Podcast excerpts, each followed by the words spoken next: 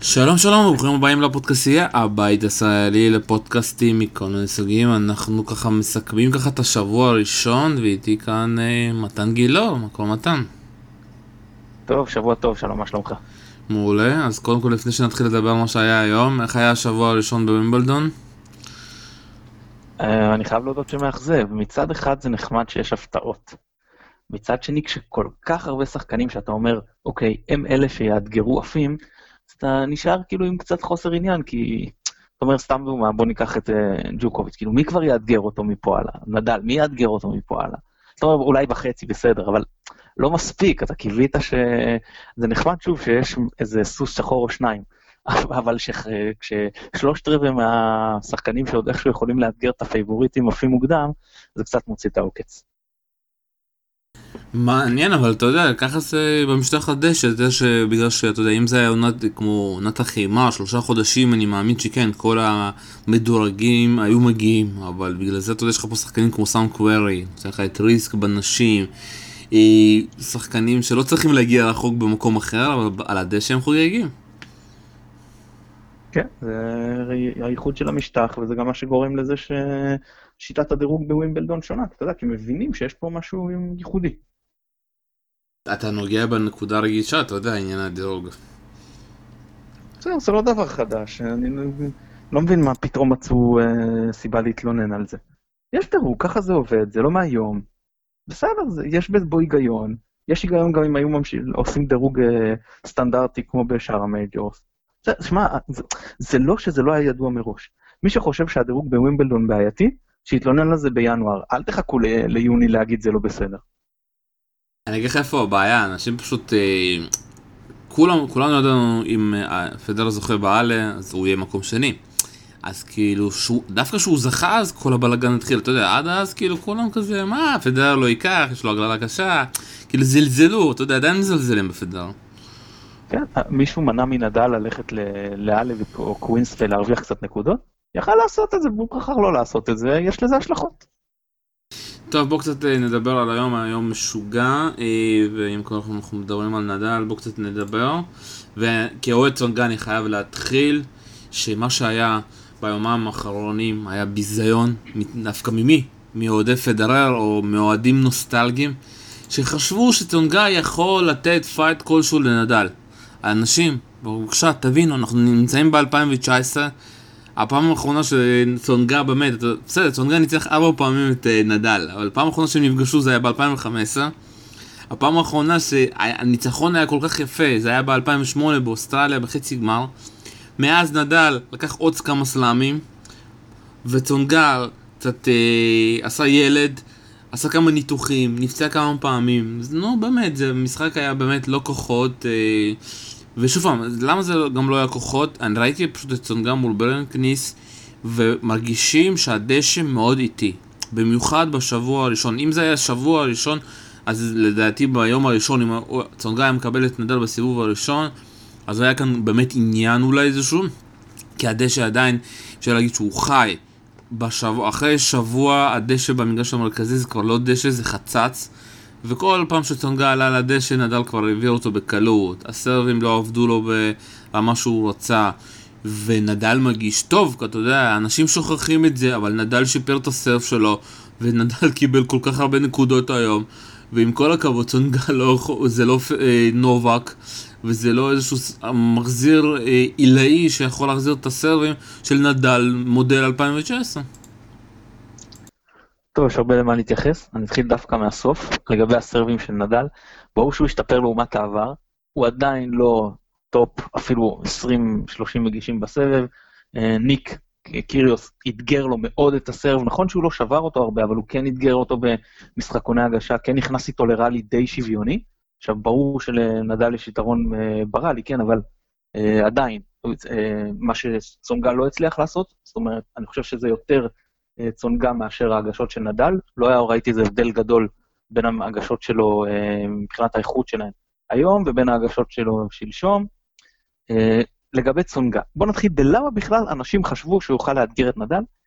אז אולי הם הסתכלו על אלה וראו מה שהוא עשה לפדרר, אבל צריך לזכור שקודם כל זה סגנון משחק שונה וסגנון שחקן שונה, וזה בעיקר השדה החרוש של אלה, שלפדרר קשה לשחק עליו, כי אתה יודע, כי זה מאוד אקראי, הכל שם מלא מהמורות, לאן שהכדור, אתה, אתה לא יודע לאן הכדור הולך.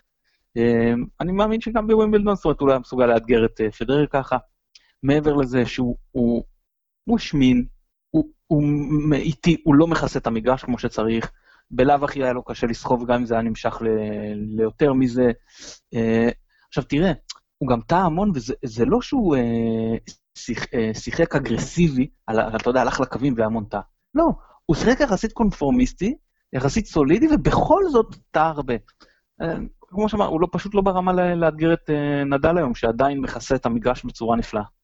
אז אני אומר שוב פעם, צונגה זה שחקן שכבר זה לא, זה לא אותו צונגה, שוב פעם, אחרי הפציעה במיוחד, אתה רואה גם בדשא הזה, קודם כל בוא נגיד ככה, אם אתה משווה ככה בין כל השלושת הדשאים, האלה, קווינס, ווימבלדון, דווקא בקווינס יש סיכוי לצונגה, כי הדשא בקווינס יותר מהיר. אתה מסכים איתי? אני לא מסכים שיש לו סיכוי, אני מסכים שאם יש לו סיכוי זה יהיה בקווינס. אתה יודע, לזה אנחנו מסכימים לפחות. והדשא של האלה ושל, אה, אתה יודע, של וימבלדון, בשביל צונגה זה סיוט, הוא לא יכול, הוא לא יכול לעשות שם דברים. אתה יודע, אני מנסה לח... לנסות לשחזר ככה את הניצחון האחרון של צונגה על פדרר בווימבלדון, וזה על אותם דברים. אייסים, עליות ל... לרשת. ב-2014 הוא יכל לעשות את זה, או שכבר, זה לא היה ב-2014, זה לדעתי היה 2011, 12, אני כבר לא זוכר כבר, אתה יודע, אבל היום זה כבר כל כך היה מיותר, כי גם, אתה יודע, שנדל כבר אחרי שהוא קצת, בוא נגיד, עלה את הרמה שלו מול קיריוס, הוא הגיע כל כך חד, שהבן אדם כאילו משחק עכשיו בגמר אה, סלאם. זה, זה פשוט היה לו כוחות. כן, מנטלית הוא, הוא נכנס לעניינים, ולמרות שקיריוס היה במשחק טוב, הוא באמת אה, לקח את שני אה, שוברי השוויון, הם לא הצליחו לשבור אחד את השני באותן שתי מערכות. אה, הוא גם ניצל את זה שקיריוס לא מסוגל לשמור פוקוס שלם על, אה, בשובר שוויון שלם. אה, אני אגיד לך משהו גם על המשחק היום. הדשא, כמו שאמרת, נראה טיפה יותר איטי. יש שאומרים שזה סתם בכיינות של חלק מהשחקנים, והוא לא יותר איטי. לא בדקתי את זה מדעית, לא ראיתי סטטיסטיקות, לפעמים מפרסמים. מה שכן, הדשא עדיין זווית החזרה נמוכה. אז מה שצונגה ניסה לעשות, והלך מול נדל, הוא, הוא גם, הוא הכניס ספין. אתה אומר, מה יש לך לשחק? עזוב שאין לך מה לשחק כבד על דשא, אבל בטח מול נדל. כאילו, אם יש לך איזשהו סיכוי ואתה אומר עוד שהדשא יותר איטי, אז שחק slice, שחק לו נמוך. ראית מה קיריוס עשה לו ואיך קיריוס אתגר אותו. אז ברור שנדל עדיין שחקן יותר טוב והוא ניצח, וסביר להניח שהוא היה מנצח גם פה. אבל אם מישהו רוצה להצליח לאתגר את נדל, אז רק לשחק ככה. לגרום לו מה שנקרא להתכופף, שהוא לא יוכל להכניס את ה topspin שלו, וגם כשהוא הכניס topspin, ראינו שעל דשא זה עובד הרבה פחות טוב, כי הכדור כבר לא עולה גבוה כל כך, הוא עולה, במקום שהוא ילך נמוך, כמו בסלייס, הוא הולך נוח ליריב, כן? כי הוא עולה גבוה, ועל דשא גבוה זה אומר נוח ליריב. אה, אז זהו, אז, אז, אז צונגה עשה, כאילו ניסה להתמודד עם נדל בנשק שלו, הביא לו את הכדורים הכי נוחים, אז נדל פשוט ניצל. כן, אבל פה אני חושב שוב שאני מנסה לחשוב מה צונגה יכל לעשות, מהקו האחורי אין לו שום סיכוי, כי איך שהתחיל הראלי, נדל פשוט התחיל, אתה יודע, לשלוח אותו פעם שמאלה, פעם ימינה, פעם שמאלה, פעם ימינה, וצונגה התחיל לרוץ ושם נגמר הראלי. אז הסיכוי היחיד שלו היה זה שאם אה, הוא היה מעלה את האחוז הסרף שלו, אתה יודע, ל-80, 85. ומול נדל זה מאוד קשה להגיע, לדעתי, אתה יודע, לא בדקתי, אבל היה לו 50, 56 כל המשחק, 60 אחוז סרב ראשון, ככה אתה לא יכול להגיע רחוק. לא, זה ברור. בכאלה אחוזים של סרב ראשון אתה לא יכול לאתגר את נדל, אלא אם קוראים לך ג'וקוביץ'. טוב, בוא נעלה לבן אדם הבא, שכולם אומרים שהם ייפגשו עכשיו בחצי הגמר. אה, פדרר מול אה, לוקאס פוי. אה, אתה יודע, פדרר הגיע לעשות את העבודה שלו, עשה מה שצריך. התקשה קצת, אתה יודע, אפשר להגיד, בסט הראשון ובסט האחרון, גם אמר לך המשחק הזה, השבירה ב-5-5 הייתה מאוד חשובה לי, ושם קצת ברחתי, אתה יודע, יום רגיל בעבודה. כן, היה שם נקודת שבירה לחובתו ב-5-5, שהוא הציל, ו... והוא באמת לא שיחק את הסרבר, את הסט הראשון כל כך טוב. ברגע שהוא שבר הוא קצת השתחרר, והסט השני וגם את השלישי הוא שיחק טוב. זאת אומרת, גם אה, פוי העלה את הרמה בסט השלישי, אז uh, למרות שזה הלך לשובר שוויון, פדר שיחק אותו הרבה יותר טוב מאשר את הסט הראשון, שבו הוא כאילו ניצח על שבירה. Uh, תראה, פדרר עדיין, תשמע, קודם כל זה פדרר על דשא, זה פשוט חוויית צפייה שאין דברים כאלה. לדעתי זה חוויית, חוויית צפייה של הטניס, כאילו זה פשוט תענוג לראות מה האיש עושה את זה עם מחבט ואיזה ידי טניס נהדרות יש לו. כל עוד זה בטווח של עד שלוש שעות, אין עליו. יותר מזה, אני חושב שהוא, שזה כבר uh, בגיל 37 יתחיל להיות uh, קשה. Uh, היום אה, פוי באמת מגיע לו שבחים כי הוא, הוא באמת שיחק, אה, בעיקר בסט השלישי, טניס ממש טוב, וגם אה, מנטלית, אתה יודע, הוא הגיע למצב של אה, נקודת משחק לרעתו, הוריד שם ace.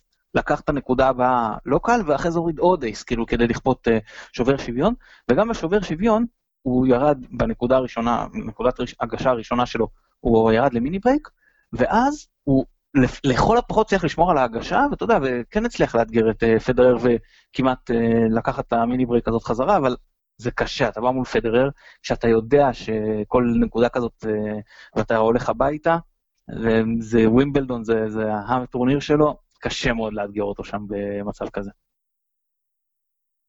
כן, לא היה כל כך עניין, אתה יודע, זה תלוי בעיקר בפדרר, במיוחד שהוא משחק במגרש המרכזי, אתה יודע, לעיני אבא שלו, אימא שלו, אשתו, את התאומים ראית או שלא באו? לא, שמתי לב רק למירקה, לא ראיתי מי עוד היה שם. אז את התאומים כבר, אתה יודע, הבנתי שהתאומים כבר גם מגיעים ומבינים, אתה יודע, זה פשוט הזיה, אתה יודע, שהם נולדו, אז הוא תמיד כזה בכה, הוא, חבל שהילדים שלי לא יצליחו לראות... לראות אותי ולהבין בכלל עד כמה אגדה הייתי, ופתאום כן מצליחים. אה, ושוב, בכלל, אתה יודע, כל העניין הזה שהוא, יש לו מטוס פרטי, מטפלות, הם נוסעים ביחד לכל הטורנירים, כאילו, אה, זה פשוט מדהים. שוב פעם, יש לו הרבה כסף בשביל לעשות את זה, אבל זה מאוד חשוב שבאמת, כמו שהוא אמר, אתה יודע, באחד מסיבות עיתונאים, שאשתו הייתה שחקנית והיא מבינה את זה, והיא נותנת לו את זה, אתה יודע, לעשות את זה. אה, ואתה יודע, יהיה מאוד מעניין אה, לראות אותו ביום שני. אז בואו נעבור עכשיו, אתה יודע, באמת מה הולך להיות ביום שני. אה, ונתחיל עם פדרר, כבר אנחנו מדברים על פדרר שישחק מול ברטיני האיטלקי שמנצח את שוורצמן בחמש מערכות. והשאלה הנשאלת פה, אתה יודע, עד כמה ברטיני יגיע פרש. כי אני חושב שבשביל ברטיני, שאתה יודע, זה עונת הפריצה שלו, זכה בתור בשטוטגארט. אה, ללא שבירה אפילו, אה, זכה בעוד תואר אה, בחימר, אני כבר לא זוכר איפה, מגיע לטורניר אחר, אתה יודע, גם הצלחה באלה, גם הצלחה בשטוטגארט, הוא משחק מאוד, אפשר להגיד, פלט הכדורים שלו, לא מפחד להכות, יודע לעלות לרשת, מנטלית מאוד מפתיע. אבל עכשיו מול פדרר זה סצנריו אחר, הוא צריך להגיע, אתה יודע, ההתרחשות, כל העניין של יום שני, שמינית הגמר. ואתה כן מאמין שהוא יכול להפריע לפדרר? כן, אני חושב שהוא יכול להפריע לפדרר. תראה, אני לא חושב שהעייפות אה, תציק לו יותר מדי. בסופו של דבר מדובר על בחור בן 23, אה, שיש לו 48 שעות מנוחה. אני, לא, אני אפילו לא זוכר כמה זמן הוא שיחק היום, זה לא היה משחק שהלך, אתה יודע, לאיזה חמש שעות, נכון? תקן אותי אם אני טועה. אז, אה, אז, אז מהבחינה הזאת של העייפות, אני לא חושב שהיא תשפיע עליו. אה, עכשיו, מקצועית, האם הוא יכול לאתגר את פדרר? אז אני אומר שמקצועית כן, הוא, הוא יכול, הוא שחקן שמתאים לדשא, הוא, הוא בפורמה, הוא בכושר טוב, אמ, אז למה לא? עכשיו, ברור שפדרר פיבוריט, וברור שיש פה העניין המנטלי שצריך להכניס אותו. אתה יודע, שאתה בא, שמיעי גמר ווימבלדון, אה, אה, משטח, אה, מגרש מרכזי כנראה, אני מניח. למרות שזה האמת שיכול להיות שישימו שם את ג'וקוביץ' ונדל, ואז הוא ילך לאחד, לא משנה, גם אם זה אחד, זה לא חשוב, כן? זה הרבה לחץ, זה הרבה יוקרה, זה, זה לא פשוט מהבחינה הזאת. ואתה יודע, זה קלישאה, אבל זה מאוד תלוי איך אתה נכנס. למשחק במשחקונים הראשונים. אתה מצליח ככה לשמור על ההגשה, שניים, שלושה משחקונים, אפילו אם לא, זה הולך קשה, ואתה יכול להשתחרר. מצד שני, מספיק שאתה נשבר כבר במשחקון הראשון, הביטחון יורד, זה, זה קשה מאוד.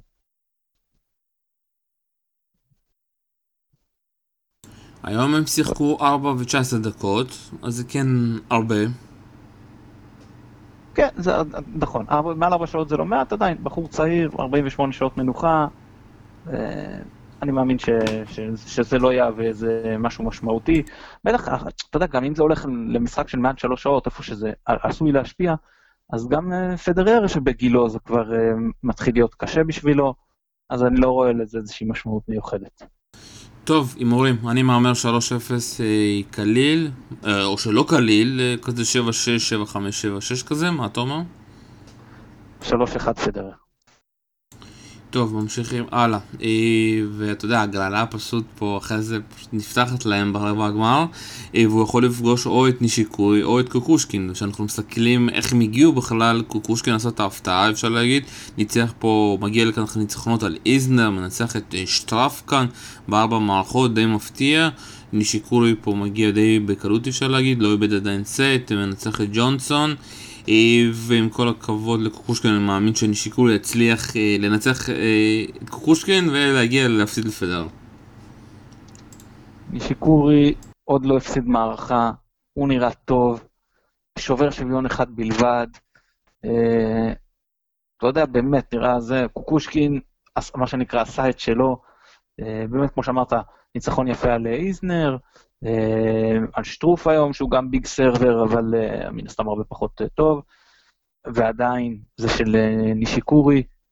בוא, אני ממש לא חושב של... אני, אני חושב שלפדרר הולך להיות הרבה יותר קשה מול נישיקורי ממה שאנשים חושבים. נישיקורי בכושר טוב, הוא מכסה את המגרש, שחקן שיכול להעריך נקודות, כי הוא, יש לו return טוב, זה הולך להיות שם מאוד מאוד טריקי. אני חושב שזה הולך להיות הרבע הכי קשה מכולם, זאת אומרת, הולך להיות רבע מאוד צמוד. אני אגיד לך למה אני חושב... ונישיקורי הולך לקחת את השמינית 3-0 לדעתי. אני אגיד לך למה אני חושב שזה הולך להיות אה, די קשה בשביל נישיקורי, כי עד עכשיו הוא ניצח את האנשים הכי קלים שאפשר לקבל בהגרלה. מונטרו, שחקן חימר, נורי שהוא בריטי שמתמחה בחימר, וג'ונסון שהוא אפשר להגיד שהוא כן שחקן דשא, אבל זה באמת היה לא כוחות. דבר שני, קוקוש... השאלה אם קוקושקין זה באמת, אם נראה באמת הקוקושקין הזה של איזנר או של סטראף, קשה לי להאמין. אה, ואז אתה יודע, אני אגיד לך שיגיע פה לחמש. אבל אתה, אתה מאמין שנישיקורי יכול לעשות משהו לפדרר? אתה שכחת ש... עד כמה נישיקורי הוא, אה, אתה יודע, שמגיע, עושה במכנסיים מול הגדולים? לא יודע, קודם כל, בוא, זה לא שאין לו ניצחונות וסלאמים על הגדולים, כן?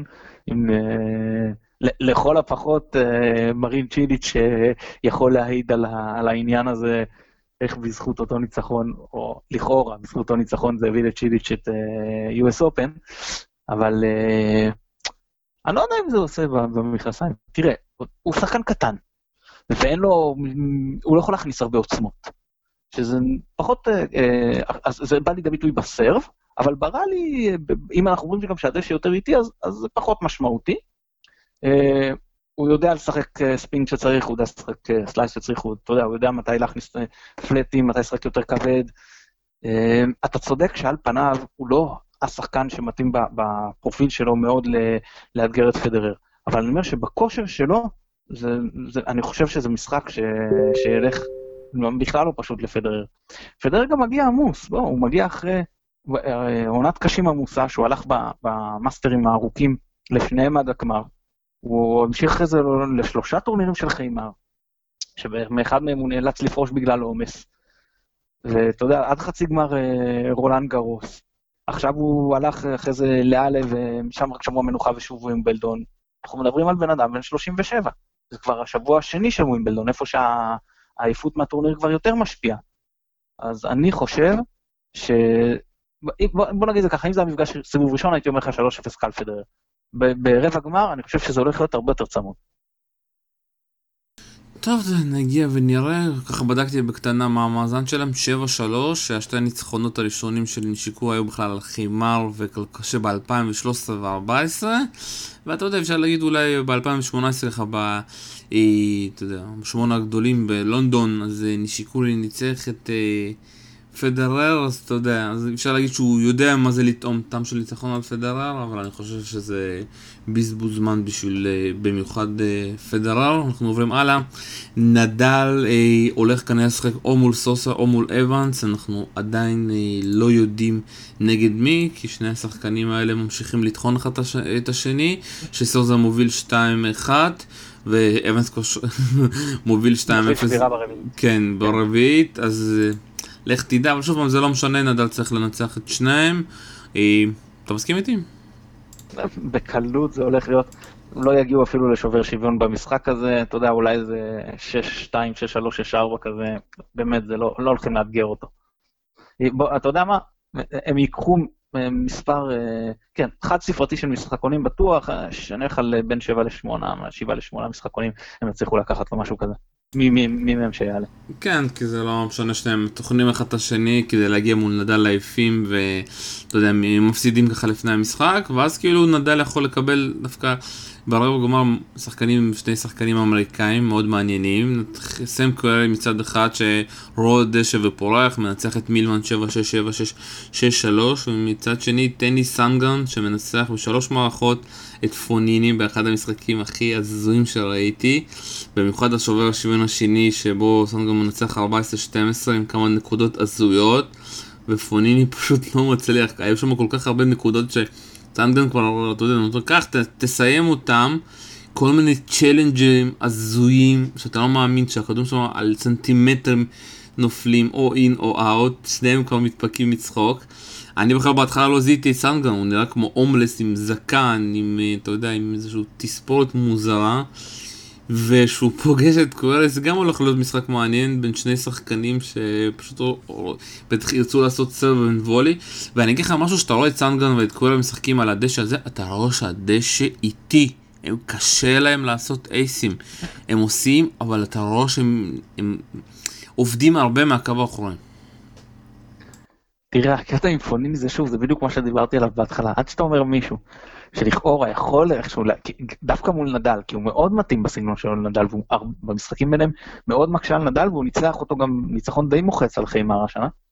ואתה אומר, הנה, הוא יכול להקשות על נדאל, פה יכול להיות משהו מעניין, אז הוא מקבל שלוש מסנגרן, שהוא לא איזה שחקן שאתה אומר, טוב, זה ברור, זה היה obvious שהוא, שידיח אותו. לא, אני חושב שפוניני הגיע favorite למשחק הזה. Uh, תראה, קוורי אולי ביום הגשות טוב, אתה יודע, אם משהו ייכנס לו באיזה 80 אחוז, אז על הכמעט שני מטר שלו יכול איכשהו לאתגר. אה, סנגרן לא יכול לאתגר את נדל, ולא משנה מה, הוא לא, אף, עזוב, ברמה של אה, יהיה חבל לצפך לצפות במשחק הזה. אה, קווארי, שוב, אני אומר, יום הגשות כן, אבל זה לא אותו קווארי שלפני שנתיים, נכון? שנתיים היה הטורניר הטוב שלו. מאז, מן הסתם הוא ירד בכושר, התנועה שלו קצת נראית פחות טוב, ולכן אני פחות, אה, אתה יודע, הוא התבגר, בן אדם חצה את גיל 30, כששחקנים בגובה זה, זה, זה הרבה יותר אה, מורגש ההתקדמות בגיל, אז גם אותו אני לא רואה, אבל אם יש איזושהי תקווה, אז לכאורה ש... שיהיה איזשהו עניין, אז לכאורה שעדיף שזה יהיה קוארי. אז אני אגיד לך דווקא שאני לא מסכים איתך בכלל, אני חושב שכל השחקנים שיכולים להפריע לנדל זה דווקא קוארי, ואני אגיד לך גם למה. ראיתי אותו גם מול טים וגם היום מול מילמן, הוא משחק טוב, הוא זז טוב, הוא נכנס עם ה backhand שלו לכדור טוב, והדבר הכי טוב, הוא מגיש טוב מכל השחקנים שראיתי אה, השנה בווימבלדון, דווקא מכל ה big, אה, אתה יודע, big servers, תסתכל, קרלוביץ' כבר עף, איזנר כבר עף, שטרוף עף. קוורי לדעתי הוא ה big server, אתה יודע, היחיד שנשאר, אני כזה מסתכל, הוא עם ראוניץ' ביחד, אה, היחיד שנשאר והוא משחק טוב, אתה יודע, אם הוא נשאר שהוא big serve זה אומר שהוא גם עושה דברים אחרים, שזה רץ לכדורים, בקאנדים, פורנדים, כל הנקודות שלו כמעט נגמרות די מהר, אז אני חושב ש... ובגלל שיש לו את הניסיון במיוחד שהוא ינצח את סנגרן, אני חושב שהוא הגיע דווקא לרבע גמר יותר קל, הוא היה שם, הוא שיחק מול מארי, הוא ניצח את נובה כאן. זה דווקא שחקן שאתה יודע, אף אחד לא מפחד ממנו. אבל אם אני אוהד נדל, אני דווקא מפחד מהשחקן הזה. כן, ואנחנו מסכימים שאם משהו יכול לקרות זה רק ממנו ולא מסנגר. Uh, תראה, הניצחון על טים לא מאוד מרשים אותי, כי טים, היה ברור לי שתהיה לו נפילת מתח אחרי הגמר של, של פריז, וגם לא מתאים לדשא. הניצחון על רובלב מאוד מש, משכנע, למרות שרובלב ירד ברמה. גם מילמן זה, אתה יודע, זה שני, שני big servers, כאילו, באמת פה כבר יש יתרון. אבל שוב, אני, כן מקווה שהוא... דווקא מילמן זה לא ביג סרבר, זה השחקן שניצח את אה, פדרר ביוס אופן, הקטן הזה. סליחה, סליחה, סליחה, סליחה, אני מתבוללתי, נכון, סליחה, סליחה. אני, אני, אני מתנצל. Uh, בכלל לא, הוא, הוא, הוא לא גבוה בכלל. Uh, בכל מקרה, uh, אז מה שאני אומר, ש... תראה, בשביל העניין, אז כן, אז עדיף שקווארי כן יגיע, אבל, אבל שוב, אני... טוב, בואו בוא נחכה ונראה, כן? נראה אותו בכלל צולח את השמינית. טוב, אז זה באמת יהיה מאוד מעניין. לא, לא הימרנו, אתה יודע, נישיקורי אמרת לי שאתה אומר שזה שלוש קל לנישיקורי. אני אומר כן, גם ש... כן, נדל שלוש קל? גם נדל אתה אומר קל, ופה אני אומר קווירי גם בכזה 7-6, 7-5 כזה, 7-6, או 7-6, 7-6, 7-6, שניהם אוהבים שוברי שוויונים. ואנחנו... כן, כן, גם אני הולך על קווירי. ואנחנו מגיעים, כבר מתחילים להגיע לך לרבע של אה, נובק, והם פה הם פאר מול באוטיסטה הגות, שני שחקני חימר, שאתה יודע, נהנו מכל הרבע מההגרלה של נובק, שככה שם עפו כל כך. אה, אני אגיד את האמת, לא ראיתי את שניהם השנה בווימבלדון. אה, באוטיסטה הגות ניצח את חדשנוב, פאר ניצח את וז'לי, שווז'לי מנצח בכלל את זוורב בסיבוב הראשון. פאר אני קצת מכיר מה, אתה יודע, מהפינג פונג שהוא עשה עם הכדורגל אה, צונגה, אבל אה, אתה יודע, על הנייר, פאר צריך לנצח, השאלה, אתה יודע, איך בוא תסתגרות בבימבלדון הזה. קודם כל בהסתגרות בשנה טובה, הוא שחקן טוב, אה, ואני דווקא, טוב, אנחנו נגיע להימורים בסוף, אני לא כל כך מסכים איתך. תראה, יש לו טורניר טוב, הניצחון שלו בשלוש מערכות על חצ'אנוב, שהוא כן שחקן שמתאים לדשא סך הכל. נכון שקשיח זה כאילו יותר הוא, אבל מתאים לדשא. אה, מאוד מרשים. ותראה, הוא גם לא איבד מערכה טורניר. שובר שוויון אחד שחצ'אנוב הצליח לקחת אותו וזהו. זהו, חוץ מזה, אתה יודע, אפילו במשחק הראשון לא, הגרמני, גוזולצ'יק לא לקח ממנו, אפילו לא הצליח להגיע לארבע באף מערכה. אה, כנ"ל במשחק השני, אה, וחדשנו פעם אחת לשובר שוויון. כאילו, עד כדי כך, הוא, הוא ממש כאילו מרשים בטורניר הזה, והרבה יותר מרשים אותי מפייר. אגב, בכלל כשחקן אני חושב שהוא שחקן יותר טוב מפייר, אני לא כל כך תופס מפייר. הוא, כן, הוא, הוא טיפה, אתה יודע, הוא משעשע, אבל הוא, הוא נוטה להתעצבן יותר מדי, הוא נוטה לאבד את עצמו. ובמשחק של חמש מערכות זה, הדברים האלה הרבה יותר משמעותיים, כי אתה צריך לשמור על ריכוז למשך יותר זמן, למשך יותר נקודות. ולכן, אם אני מסיים עם ההימור שלי, אני לא הולך על בטיסטה הבא. אה, תביא לי תוצאה מלאה. אה, 3-1. כן. אה, אתה יודע, קשה לי. אני דווקא אומר שהשיגעון של אה, פאר פה ינצח. אני חושב, אני מאוד מכבד את בטיסטה הוא קצת מזכיר את פרר, כל ה, אתה יודע, הספרדים העקשנים האלה, אה, כמו קרנבוסטה כאלה שנתקעים, יש לו באמת עונה טובה, אה, ניצח איזשהו טורניר את נובק השנה אפילו. אה, אבל פאר אני חושב שהוא מתאים יותר למגרש, אה, אתה יודע, לדשא. ושוב פעם, דווקא יהיה פה יתרון איזה אה, מגרש ישימו אותם. בטוח ישימו אותם באיזשהו כזה מגרש 2, 3 כזה 18. ושאלה, ושם דווקא זה יתרון לבטיסט הגות, כי זה, אתה יודע, מגרשים קטנים, והם דווקא לדעתי ככה מתאימים לו ככה. אבל, אתה יודע, נהיה לך פייר 3-1, והוא ישחק מול ראוניץ' או פאה. אתה יודע... רגע, אני רק רוצה להגיד לך משהו אחד לגבי זה, שאני חושב שמכל מי שנשאר שם, ברבעון הזה, אה, לבטיסטה הגות יש את הסיכוי הכי גדול לאתגר את אה, ג'וקוביץ'. מבחינת התאמה של סגנון משחק. אתה יודע, להחזיר לו עוד אחד ועוד אחד ולשחק איתו אה, ראלים ארוכים, זה מה שהוא עושה, בזה הוא טוב. זה לא שג'וקוביץ' הוא, הוא מרגיש טוב, אבל שוב, הוא לא איזה מומחה הגשות, והדשא, כמו שאמרת, הוא טיפה איטי יותר. אני חושב שאם אנחנו רוצים משחק מעניין, הוא צריך להפיל לחצי. בקיצור, אתה רוצה שאנשים בבית ילכו ויגידו, מה זה המשחק הזה, אנחנו מתים משעמום? לא יודע, תראה, שמע, היה לנו, אני מזכיר לך את חצי ווימבלדון, שנה שעברה, נדל נגד ג'וקוביץ', לא סגנון, לא משחק של דשא קלאסי, בכלל, הוא היה משחק מהנה, הוא היה משחק טוב. אבל כן, השאלה היא, שמע, יש פה תמיד את ה trade off הזה. אני רוצה משחק יפה לעין, או שאני רוצה משחק תחרותי. ולפעמים אתה יכול לקבל את שניהם, שבאמת הולך מצוין, לפעמים אתה צריך לבחור. ופה, אם, בסיבוב הראשון, שני, אני אומר, יותר אני רוצה ליהנות מה, מהטניס היפה, האיכותי. אבל אם בחצי גמר, בחצי גמר אני רוצה תחרות. בחצי גמר אני רוצה שילך חמש מערכות, אני רוצה שאתה יודע, שיהיה קשה. אני לא רוצה ששחקן יבוא ויטאטא 3-0, זה לא מעניין. לדעתי זה יהיה רק התשה התשה ונובק בסוף ינצח. אבל אנחנו נדבר על זה. בואו קצת נדבר על ראוניץ' פאה פאה, אתה יודע, מנצליח ככה. דווקא אוהב, שנה שעברה ניצח את צ'יליץ', השנה את אנדרסון שחוזר מפציעה. ראוניץ' דווקא חשבתי במשחק שהולך לשבור פה את סי גינס, דווקא עובר די בקלות את הפולקאים. 7-6, 6-2, 6-1, ראיתי את המשחק, די הופתעתי. אופלקה פשוט נשבר שם מכל שטות. הימורים? אני אומר, אני הולך ככה, נותן פה יתרון לראוניץ'. תראה, גידו פלה, אגב זה הדרך, כולם מעוותים לו את השם, פז'ה ופיי, אבל זה גידו פלה, כך, ככה הוא אומר, ככה אני מתאים את עצמי. אז, אז גידו פלה הוא ריטרנר טוב מאוד, שזה מתאים מול ראוניץ', אם כי ראוניץ' הוא לא רק איזה מגיש, אתה יודע, הוא יודע לזוז, הוא, אתה יודע, זה לא איזנר כאילו שברגע שהחזרת לו טוב, די תקעת אותו.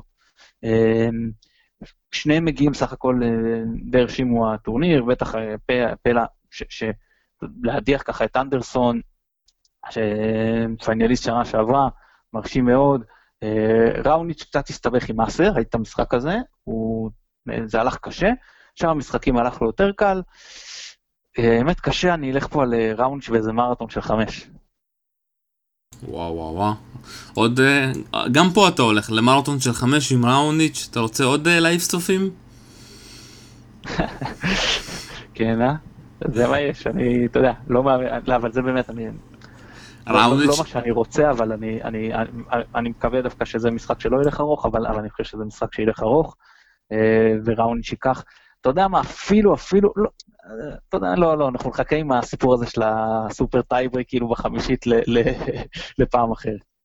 לא, אני אגיד לך מה, ראוניץ' זה השחקן שהכי קשה לי לראות אותו משחק, הבן אדם אדיש, אדיש, לא מוציא משהו, serve, serve, serve, serve, וגם בטיסטה אגוט זה שחקן שקשה לי לראות, אבל מקום ראשון אצלי זה סימון, אתה יודע, מזל שהוא כבר לא פה, אם יצא לך לראות חלקים של סימון בקווינס מול אה, מדוודיו, זה היה משחק שאתה שם את זה לאסירים, או לאנשים שאתה רוצה לעשות להם עינויים, זה היה קשה. כן, ראיתי, ראיתי חלקים מהמשחק הזה, כי זה היה במקביל גם לאלה, וראיתי יותר את אלה, אבל אה, כן, אבל בסדר, נו, זה ג'יל סימון. מדוודב, אם אנחנו מדברים כבר על מדוודב, הנה, הבן אדם שהיה צריך לשחק מול ורדסקו, אבל גופן עשה לו שם מהפך מדהים בחמישית. 7-5, כבר מדוודב היה צריך לנצח את המשחק הזה 200 פעם, הבן אדם פשוט לא יודע לסגור משחקים. כמו שמול סימון הוא לא יודע לסגור, גם מול גופן הוא לא יודע לסגור. אה, וגופן ורדסקו הולך להיות אה, משחק די מעניין, אתה יודע, אני מאוד אוהב את ורדסקו, ושהוא מצליח ככה לעבור את פביאנו די בקלות. אחרי שפביאן ככה העיף פה שתי שחקנים מעניינים אה, לפני זה, אז באמת יהיה מאוד מעניין. אני ככה, אתה יודע, ליבי עם אה, ורדסקו, והתוצאה תלך לגופן. קודם כל ממש התאכזבתי מההדחה של מדוודב. א', כי אני אוהב את השחקן הזה, אני חושב שהוא שחקן מצוין. אמ, אתה יודע, הוא אחד מהצעירים שאני יותר תופס מהם. אבל ראש חרא, ראש חרא, מנטליות של אפס. אבל יש לו, יש לו יופי של טניס, באמת, שחקן גם, כשאתה רואה שחקן בגודל הזה זז ככה ועם ידי טניס, זה יפה, וזה לא קיריוס שעושה קרקס. אה, אתה יודע, הוא, הוא לוקח את הטניס ברצינות, וזה זה, זה מאוד כיף לראות שחקן כזה, בסדר, בוא נ... אני שוב, הוא לא הולך להיות פה איזה, אתה יודע, דורג אחד ששואב סלאמים, אבל עדיין, כן, אני, כן שחקן שאני רואה מחזיק top 10 אה, לא מעט זמן. אה, אבל גופן הוא לוחם, והוא לא מוותר אף פעם, וזה יאמר לזכותו, ווינר, כאילו מהבחינה הזאת של לא לוותר אף פעם, שזו גישה ווינרית למשחק. וגם אגב הוא עשה את זה בהאלה, שיחק ככה מאוד מאוד, אתה יודע, לא לוותר על אף נקודה, לא לוותר על אף כדור. זה, זה גם כיף לראות שחקן שהוא אה, משחק, אתה יודע, הוא יותר קטן, משחק מול מפציצים כאלה, ובכל זאת מצליח לשגע אותם. וזה לא שיש לו איזה, אתה יודע, נוכחות, עוצמות של אה, נדל, ג'וקוביץ', או אפילו טניס, אתה יודע, כמו של פדרר, לא, ובכל זאת, אתה יודע, הוא, הוא מצליח מאוד לאתגר את השחקנים האלה, אה, אז כל הכבוד לו, אני אישית פחות מתחבר לטניס, שהוא, שהוא משחק מבחינת ה... כאילו, העין, זה לא טניס אסתטי, אבל uh, הגישה היא מדהימה למשחק, ועם כל הכבוד ורדסקו, אני חושב שבדשא זה יש לגופן, כנראה בארבע מערכות. קודם כל, אתה יודע, המאזן ביניהם זה 3-3, זה מאזן די מפתיע לדעתי, והם גם שיחקו, ב, אתה יודע, בגרנד סלאם זה פעם אחרונה באוסטרליה ב-2013, נגמר בחמש מערכות לטובת ורדסקו, אז זה אומר שאנחנו יכולים לצפות פה למשחק ארוך, שני, זה משחקים דווקא שאתה יודע, אפשר להגיד שגופן די אוהב, אתה יודע, זה מתמודדים שכבר ניצח אותם, שהם מפחדים ממנו, אה, שהוא יכול לעשות פה דברים, אז זה מאוד מעניין. אה, ומצד שני, השאלה שלך, במי המשחק תלוי? בוורדסקו או בגופן?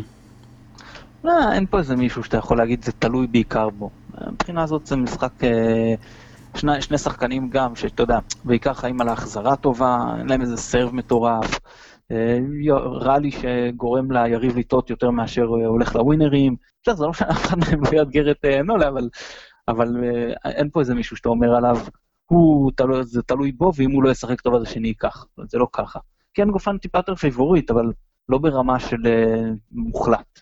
טוב, אז אנחנו ממשיכים הלאה, והגענו סוף סוף לנובוק דיוקוביץ'.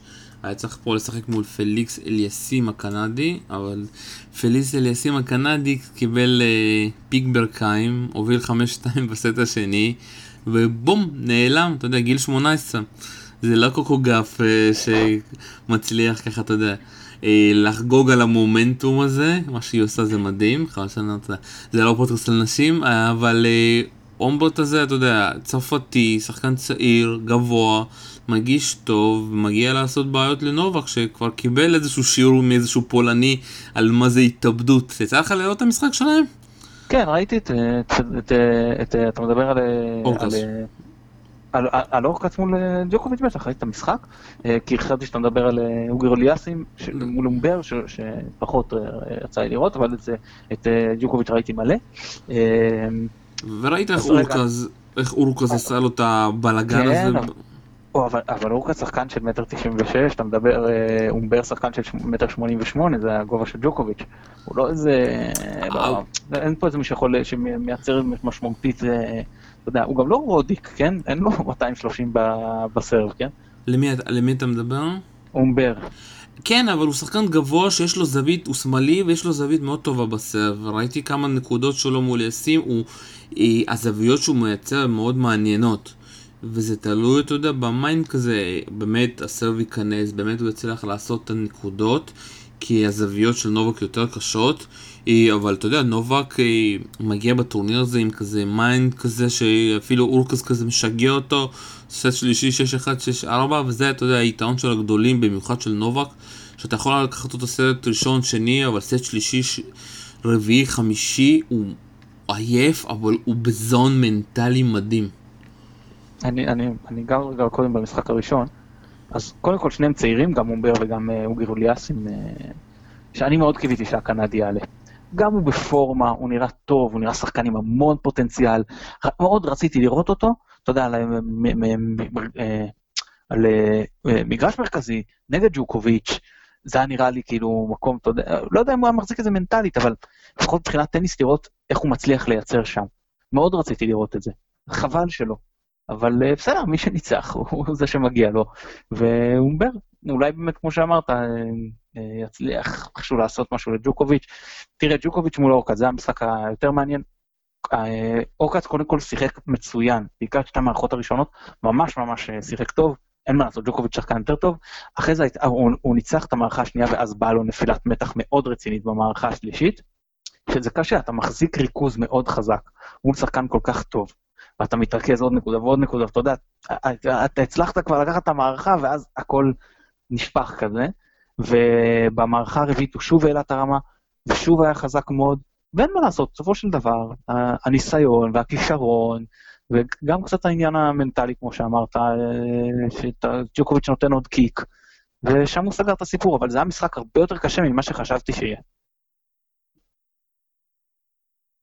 אני דווקא חשבתי שיהיה משחק קשה, לא האמנתי עד כמה יהיה קשה, כי הוא פתאום התחיל שם לקפוץ כמו בקר, אה, הגיש טוב, עמד בראלים ארוכים, אתה יודע, נובק שם הוציא את ה...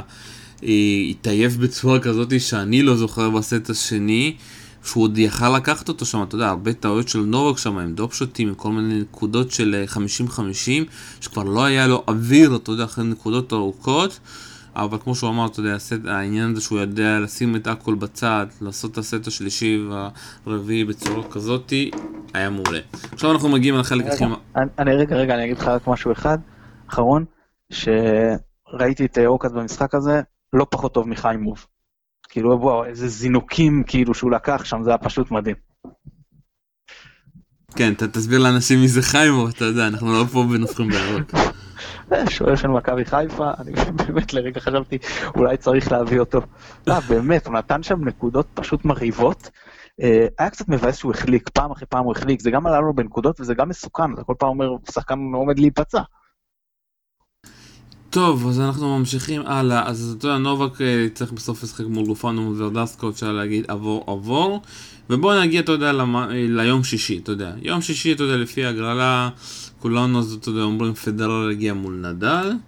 אה, ובסוף נובק, אתה יודע, יגיע מול מישהו ממה שנשאר שם, זה לא משנה כבר מי, מול מי הוא ישחק, כאילו, הוא צריך להגיע לגמר.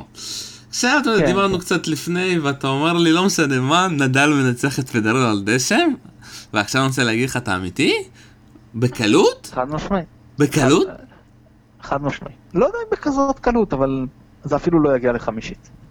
אגב, אם זה היה טורניר של שלוש מערכות, הייתי אומר לך שפדרר לוקח, אתה יודע, הייתי מאוד בטוח בזה. אבל uh, בחמש מערכות המשחק שונה. וזה לא שאתה אומר שאתה משחק הטוב משלוש, ואז מוסיף עוד שתי מערכות. אתה יודע שזה לא ככה. כי כל, גם המצב המנטלי משתנה, וגם כל ההיערכות למשחק שלך משתנה. אתה, לא, יש גבול לכמה פדרר יכול לשחק ארוך את הנקודות. וברגע שהוא צריך להתחיל לחפש ולקצר ועוד נגד נדל, אז זה כבר יעלה לו בנקודות. הוא בן 37, למשוך באינטנסיביות של נדל, משחק של הטוב מחמש, הוא לא יכול. ברור שזה פדרר, ועדיין יכול לקרות מצב שאתה יודע שהוא לוקח מערכה, ואז כאילו משם, אתה יודע, כבר שנייה, שלישית, זה, זה הכל יכול להיות, או שהוא לוקח שתיים, מוסר מערכה אחת, זאת אומרת מוריד הילוך, ואז לוקח את הרביעית, אבל הוא לא יכול לאבד אחת מהשתיים הראשונות ולקחת. וזה מכניס אותך למצב יותר מדי בעייתי, שאתה, אין לך כאילו מרווח טעות. וכשאתה משחק מול אדם בלי מרווח טעות, אז אתה אוכל אותו. וואו, אני אגיד לך את האמת, לא, לא, לא יצא לי לחשוב, כאילו, קודם כל צריך להגיד, לראות שהם באמת מגיעים, אבל אני חושב שאתה לא יכול להוציא את היתרון שיש לדשא אה, מול נדל. אני גם, אתה יודע, נדל כל משחק בדשא, זה כן דופק לו את הרגליים, מה שזה לא קורה לו בחיימר. כל משחק שהוא עולה פה, עזוב כמה שהוא, יש לו מסאז'יסטים וקרח וזה, זה משפיע. וזה נדל, אתה יודע, אומרים שנדל משתפר ממשחק למשחק, אם נדל בסוף יגיע במיוחד על אם זה, אתה יודע, הוא ישחק מול קווירי, שהוא יקבל שם, הוא יצטרך שם להשקיע, אתה יודע, כמה שובר שוויונים, ופדרר בינינו לא, אתה יודע, ביום רביעי הוא לא יעבוד הרבה, אני חושב שפדרר מגיע במצב יותר טוב, וראינו שנה שעברה, אתה יודע, אחרי שנדל הגיע מול נובק, אחרי שהוא היה צריך, להת... כאילו, להשקיע הרבה כוחות מול דל פוטו, זה השפיע. אז תראה, אז אני אומר שפדרר עובד לא פחות קשה מול, מול אה, נישיקורי מאשר שנדל יעבוד מול אה, קווארי. אה, לא, לא יודע מבחינת זמן משחק, כי פדרר משחק נקודות יותר קצרות, אבל מבחינת, אתה יודע, השקעה שאתה רואה מול הפנים, ומבחינת כאילו כמות מערכות או משחקונים שהוא יאבד. תראה, מה שכן חייבים לסייג פה, יש דברים משתנים שמאוד יכולים להשפיע. מספיק שיש גפן, ונגיד התחלת לשחק, המשחק שלפניך התארך, התחלת לשחק שני, יש גשם, אתה במקרה גם צריך אולי לעבור למרכזי, עד ש... לשחק אחרון, 11 בלילה, אתה מתחיל לשחק עכשיו אה, אה, צהריים אחרי כדי לסגור אה, נגיד את החצי רביעית ועוד חמישית, ופתאום הגעת אחרי שיחקת שלושה ימים ברציפות, והדברים האלה משפיעים, כן? אז זה דברים שאתה אף פעם לא יכול לצפות אותם, שזה כן יכול להשפיע, אבל במצב של, ששניהם מגיעים כאילו נוח, מה שנקרא, אז אה, אני הולך פה על נדל. דיברת על גשם, אתה זוכר כבר שיש במגרש אחד גם uh, גג. כן, אוקיי, לא, לא חשוב, אבל זה לוקח זמן לסגור ו... איזשהו עשר דקות, כן. אגב, אגב, זה יכול להיות מאוד להשפיע, כי מספיק שיש גשם. נגיד, תאר לך במשחק בין פדרר נדל, סתם דוגמה, שיחקו שתי מערכות אחד-אחד, בסדר? עכשיו יש גשם. חצי שעה הפסקה, מאוד מאוד uh, נוח ל... יש פעמים שאתה מבוגר, הפסקות ולהתחמם שוב וזה, אבל עדיין, להסדיר אה, דופק, לתת קצת לשירים לנוח בשביל אה, פדרר, וגג סגור. עכשיו, עם גג סגור זה משנה, אתה יודע, הכדורים יותר מהירים, יש השפעה, שוב, דברים שיכולים להשפיע, צריך לקחת אותם בחשבון. בינתיים לא היה לנו אה, גשם שהפריע בטורניר, אבל זה, זה כן יכול לשנות משחק. טוב, לפי התחזית אולי איזשהו גשם קצר קצת ביום שני. אבל שוב יהיה באמת מעניין מי יגיע ליום שישי, אתה יודע, כמו ששנה שעברה כולנו כבר שמו את פדרר שם בחצי הגמר מול אה, נובק בקלות כזה, ובסוף פתאום, אתה יודע, אנדרסון ככה עשה את ההפתעה, אני, אתה יודע, גם פה אפשר לראות איזושהי הפתעה. אה, פשוט אנחנו לא, לא נדע, אתה יודע, ממי היא תבוא, אבל על הנייר היא לא צריכה לבוא ממי שנשאר כאן. גם שנה שעברה, אתה יודע, אני לא הייתי מאמין שאנדרסון יעשה, יחזור מ-2-0 ל-3-2, ש... פדרר משחק זוועה בסוף, אתה יודע, זה גם היה אחד ההפסדים הכי מפתיעים של פדרר. וזה עוד פעם, זה עניין של העייפות, כי הוא הגיע כבר לנקודת משחק, אבל אז אנדרסון הגיש טוב, הצליח, הצליח לקחת את המערכה, ומפה הוא פשוט הגיש מצוין, ואז הם הגיעו למערכה השלישית, והגישו שניהם בסך הכל טוב, כל אחד הצליח לשמור על המשחקוני ההגשה שלו, ופדר התעייף ראשון. וזה בדיוק מה שיקרה לו בגילו מול כל שחקן התעייף מנטלית, התעייף לא, מנטלית, לא פיזית, פיזית, פיזית, פיזית, פיזית, הוא היה גמור, הוא היה עייף פיזית. אני זוכר את המשחק הזה כאילו שזה היה אתמול, וזה היה עייפות מנטלית, פדרר פשוט הפסיק לשחק חכם, הוא פשוט עמד שם וחיכה לטעויות של אנדרסון, שאנדרסון פשוט לא החטיא. כשלא מגיע חמצן לראש, אז גם קבלת החלטות שלך נפגעת. תראה, כולם רגילים, פדרר, אתה רואה אותו נגיד נגד נדל, או אפילו ג'וקוביץ', אז נגיד נדל מכניס הרבה ספין והכדורים עולים גבוה, זה פחות רלוונטי בדשא, רואים את זה יותר במשטחים האחרים, ואז מה שמתעף זה הכתף. ואז קל יחסית לראות את זה, גם הכדורים הולכים יותר קצר, פחות מדויק, ואנחנו רואים שפדרר יותר עייף. אבל במשחק מסוג זה, לא הכתף הייתה עייפה, אלא הרגליים. ואז זה פחות, קשה לך יותר לראות את זה. אבל כשאתה רואה איך שחקן מתכופף לכדור פחות טוב, הוא מכסה את המגרש פחות טוב, אז אתה אומר, הוא מחכה שהיריב יטה. אבל זה לא שהוא מחכה, הוא פשוט היה עייף מדי. אז נכון שזו לא העייפות הרגילה שמגיעה מהידיים, אבל זה גם, לפחות מה שאני זיהיתי אז, זה היה העייפות של הרגליים, של כל הסיפור של הכיסוי של המשחק, איך אתה יורד נכון לכדור, וזה הכל משפיע על שאתה לא יכול לבוא מהרגליים, אז ורק היד עובדת, אז, אז אתה גם נהיה יותר פסיבי, אתה גם נהיה פחות מדויק, ולשם זה הולך. טוב, אז אנחנו, אתה יודע, יהיה באמת שבוע מאוד מעניין. אני אומר לך, אנחנו, זה לא יהיה ככה, אתה יודע, יהיו פה הרבה הפתעות, יהיה הרבה עניינים. לפני שאנחנו מסיימים, הגמר שלך? ג'וקוביץ' נגד נדל.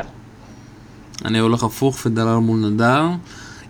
לא, פדרר מול נדל לא יכול להיות. אה, פדרר מול נדל, אני כבר עייף, נובק מול פדרר. ועוד איזשהו הימור קטן, קורי גוף מנצחת את האלפ או לא? לא, פה זה ייגמר לדעתי. אתה מצליח להבין את הדבר הזה? שמע, בנשים זה יותר קורה. זה... היום בגברים קשה מאוד להיכנס בתור uh, צעיר בגילאים האלה. Uh, גם בענפי ספורט אחרים, נגיד בשחייה, זה לא טוב, נדיר שיש איזה מדייליסטית uh, זהב אולימפית בת 16. בגברים אתה לא, כמעט לא רואה דברים כאלה. אז כן, אז אני מבין, זה, אנשים מגיעות למוכנות פיזית להתמודד ברמות הגבוהות, במגוון ענפי ספורט, בשלב יותר מוקדם. מה שאנחנו רואים כאן זה מנטליות מדהימה, אבל שוב אתה יודע, לפעמים גם אוסטפנקה, מה שהיא זכתה ברון גאוס, שבגילאים הקטנים שאתה רק מגיע, אתה לא מפחד מכלום, אתה הולך על הכל. ויכול להיות שזה ההבדל, שבגילאים הקטנים אתה עדיין כזה, אתה צעיר מדי, אתה נהנה מכל ההמולה ואתה פשוט זורם עם זה? כמו שאומרים פלו-אפ כזה? זה יכול להיות, אני באמת, באמת פסה ואנשים לא עוקל מספיק אחרי התפתחויות ואחרי צעירות במגוון טורנים כדי להעיד על הדבר הזה, וממקרה אחד אה, או שניים זה, זה קשה לי מאוד אה, לצייר אה, תופעה. טוב, אתה יודע, זה, אפשר להגיד שזה המאניה דיפרסיה הכי הזויה שאפשר לראות, אתה יודע, במיוחד מה שהיה אתמול, אבל יש לנו וימבלדון. אני רק אגיד לך, אני רק אגיד לך שזה היה ממש נחמד לראות איך היא מתרגשת מה... אתה יודע, מהלחיצת יד של פדרר. זה היה באמת, אתה יודע, איך מישהו מגיע בחורה, שאתה רואה שהיא עדיין נערה כאילו, זה, זה היה מאוד uh, משעשע. אתה יודע מה, עוד מצחיק שכמעט כל מסיבת עיתונאים, כל רעיון בסוף משחק, יש שאלה על קוקוגרף, למי לפדרר? מה קשור? הבריטים אלופים, אלופים בלעשות, אתה יודע, כמו שהם תמיד היו מלחיצים את אנגליה בכדורגל, ואנגליה לא הייתה מגיעה לכלום, היו מלחיצים את כל הבריטים, ותודה ללנדל שבא ככה ושיפר את המוח שם למרי, אבל שמע, הם אלופים ב... אתה יודע, בצהוב. כן, אין ספק. מתן גילאור, תודה רבה לך. תודה לך, שלום, שיהיה שבוע טוב.